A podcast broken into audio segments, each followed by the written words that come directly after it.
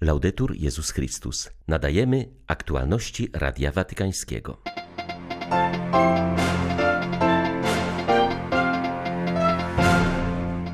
Po modlitwie Anioł Pański papież Franciszek nawiązał do obchodzonego dziś Dnia Pamięci o ofiarach mafii. Zaznaczył, że przestępczość zorganizowana wykorzystuje pandemię, aby wzbogacić się na drodze korupcji. Dziś obchodzimy Międzynarodowy Dzień Osób z Zespołem Downa. Niepełnosprawni są darem i szansą dla naszych rodzin, uważa przedstawiciel dykasterii do spraw świeckich rodziny i życia.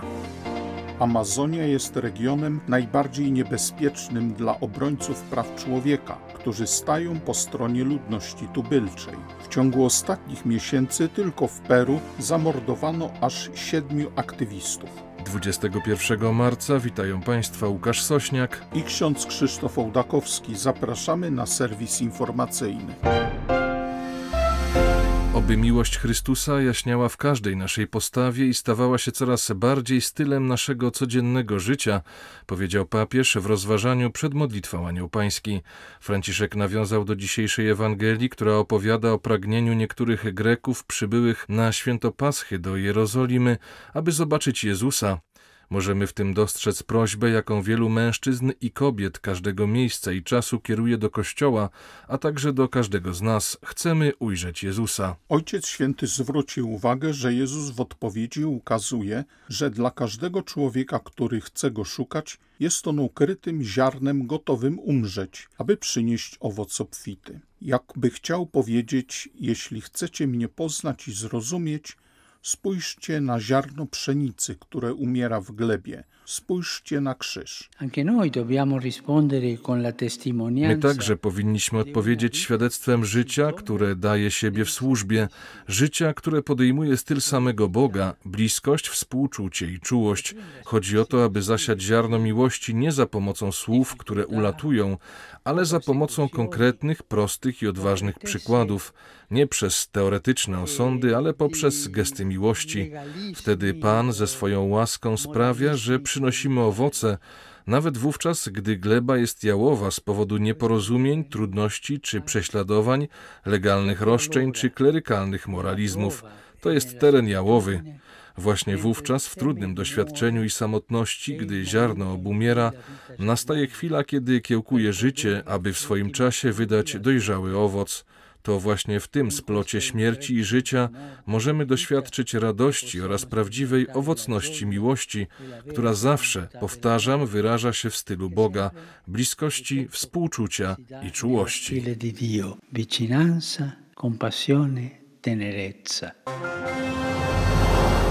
Po modlitwie Anioł Pański papież nawiązał do obchodzonego dzisiaj Dnia Pamięci i Zaangażowania upamiętniającego niewinne ofiary mafii. Zaznaczył, że mafie są obecne w różnych częściach świata, wykorzystują pandemię, aby wzbogacić się na drodze korupcji.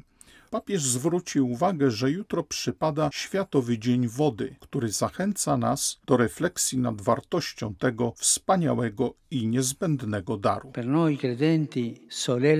Dla nas wierzących siostra woda nie jest towarem, jest źródłem życia i zdrowia oraz uniwersalnym symbolem. Nazbyt wielu braci i sióstr ma dostęp do niewielkiej ilości wody, a być może do wody zanieczyszczonej. Wszyscy muszą mieć zapewnioną wodę pitną i urządzenia sanitarne. Dziękuję i wspieram wszystkich, którzy dzięki różnym umiejętnościom zawodowym i odpowiedzialności działają na rzecz tego bardzo ważnego celu. Myślę na przykład o Uniwersytecie Wody w swojej ojczyźnie, o tych, którzy rozwijają jego działalność oraz uświadamiają znaczenie wody. Dziękuję Wam bardzo, Argentyńczycy, że pracujecie na tym uniwersytecie zajmującym się wodą. Przewodniczący Konferencji Episkopatu Włoch kardynał Gualtiero Bassetti w przesłaniu do Stowarzyszenia Libera, które walczy z przestępczością zorganizowaną, wskazuje na męczeństwo wielu odważnych i uczciwych kobiet oraz mężczyzn, którzy poświęcili swoje życie w walce o odsłonięcie prawdziwego oblicza mafii. Kardynał Bassetti zwraca uwagę, że współczesne mafie dostosowały się do zmian społecznych. Ich wszechobecność jest jednak oczywista i byłoby błędem, gdyby uważano je za zjawisko jedynie włoskie lub ograniczone do południa tego kraju. Kolejnym błędem byłoby kojarzenie mafii wyłącznie z przemocą przy użyciu broni. Przemoc jest znacznie szersza, nazywa się korupcja.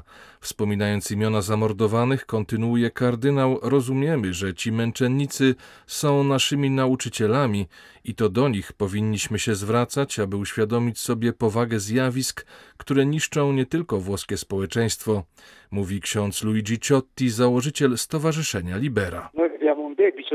Mamy dług wobec tych ludzi, obowiązek uznania ich wkładu w tworzenie porządku publicznego. Powinniśmy zawsze pamiętać o zamordowanych, którzy pozostawili swoje rodziny w samotności. Nie można zapomnieć, że zginęli również za nas, a powinni nadal żyć. Naszym obowiązkiem jest uświadomienie sobie, że polityka powinna służyć konkretnym ludziom, żyjącym w obecnym czasie, powinna tworzyć historię konkretnych ludzi.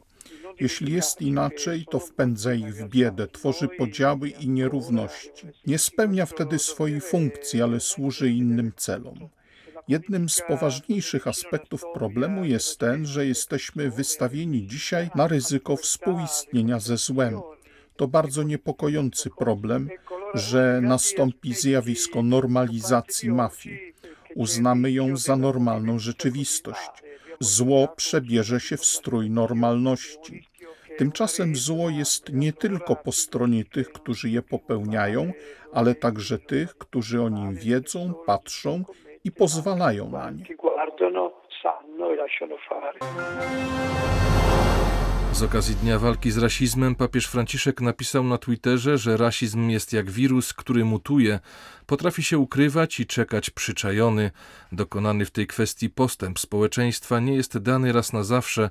Przejawy rasizmu są ciągle obecne i powinny być powodem do wstydu, zauważył Ojciec Święty. Międzynarodowy Dzień Walki z Rasizmem obchodzony jest co roku 21 marca. Data ta została wybrana, aby upamiętnić 69 czarnych demonstrantów zastrzelonych tego dnia w 1960 roku przez policję w RPA w szczytowym okresie apartheidu. W masakrze rannych zostało także 180 osób. Dopiero sześć lat po tych wydarzeniach ONZ wydała rezolucję, w której podkreśliła większą potrzebę zaangażowania w eliminację wszelkich form dyskryminacji rasowej. W związku z obchodzonym dziś także Międzynarodowym Dniem Osób z Zespołem Downa papież podkreślił, że każde poczęte dziecko jest darem zmieniającym historię swojej rodziny. Wszystkie dzieci powinny być mile widziane, kochane i otoczone opieką bez wyjątków, napisał Franciszek na Twitterze. Pandemia koronawirusa doprowadziła do pogorszenia się sytuacji osób urodzonych z dodatkowym chromosomem. Na całym świecie coraz bardziej rozwija się trend zwany Down Syndrome Free. W krajach takich jak Dania i Islandia 98% kobiet będących w ciąży z dzieckiem, u którego zdiagnozowano tę chorobę, decyduje się na aborcję. Lekarze podkreślają, że te diagnozy nie zawsze są prawidłowe. Zdaniem obrońców życia taka postawa jest przykładem potępianej przez papieża Franciszka kultury odrzucenia, która pozbywa się najsłabszych członków społeczeństwa. Zdjęcia z audiencji są pełne spotkań Franciszka z osobami z zespołem Downa. To nie przypadek. Za tymi scenami kryje się wrażliwość Ojca Świętego na najsłabszych, uważa Vittorio Scelco z dykasterii do spraw świeckich, rodziny i życia. Również podczas wizyty w Iraku papież spotkał się z kilkoma osobami z zespołem Downa. Zaprasza nas w ten sposób do odnowienia zaangażowania duszpasterskiego w kierunku coraz większej integracji osób niepełnosprawnych. Dlatego w naszej dykasterii rozpoczęliśmy refleksję nad tym, jak towarzyszyć duszpasterstwu takich osób.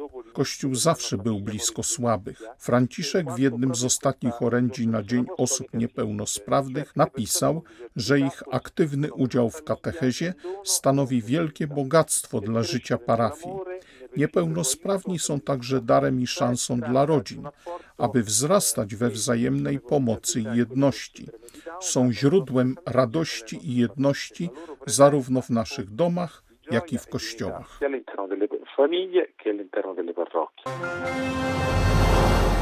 Amazonia jest regionem najbardziej niebezpiecznym dla obrońców praw człowieka, którzy stają po stronie ludności tubylczej. Ciągu ostatnich miesięcy tylko w Peru zamordowano aż siedmiu aktywistów walczących o ochronę swej rodzinnej ziemi przed rabunkową gospodarką i gangami narkotykowymi. Trzeba ukrócić przemoc i niesprawiedliwość wymierzone w rodowitych mieszkańców Amazonii, piszą peruwiańscy biskupi, wzywający rząd do podjęcia skutecznych działań w tym kierunku. Wskazują, że zbyt długo przedstawiciele ludów tubylczych cierpią tylko dlatego, że stają w obronie ekosystemu. Przypominają zarazem o pogróżkach otrzymywanych także przez przedstawicieli Kościoła zaangażowanych w pomoc rodowitym mieszkańcom Amazonii. W grę wchodzą ogromne interesy i nie będzie łatwo powstrzymać tych, którzy bezprawnie wyciągają ręce po bogactwa Amazonii, mówi Marcia Rosti, znawczyni Ameryki Łacińskiej.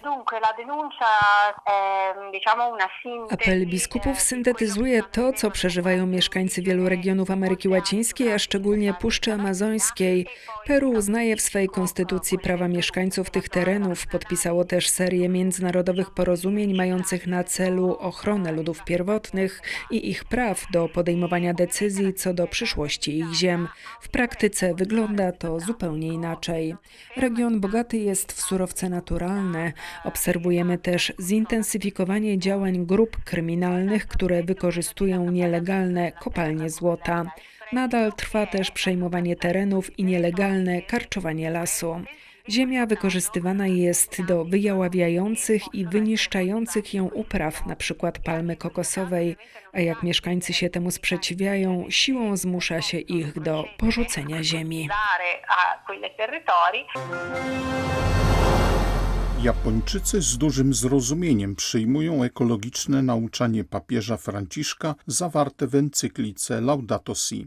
Wskazuje na to ksiądz Antoine de Monjour, francuski misjonarz w tym kraju, podkreślając, że w dużej mierze jest to podyktowane awarią elektrowni atomowej w Fukushimie, która była dla Japończyków wielkim wstrząsem. Przez wiele lat przekonywano ich, że energia atomowa jest w 100% bezpieczna, że nic im nie grozi, nawet w przypadku trzęsienia ziemi, wspomina w wywiadzie dla Radia Watykańskiego ksiądz de Monjour.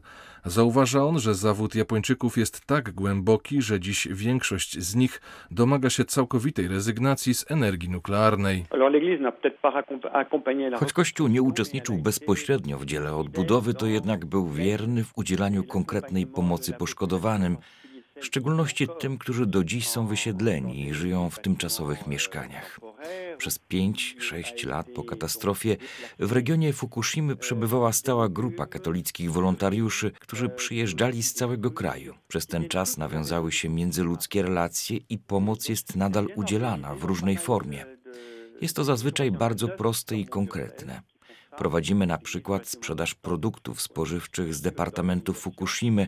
W mojej parafii raz w miesiącu po niedzielnej mszy sprzedawane są warzywa, owoce, ryż z całego regionu Fukushimy.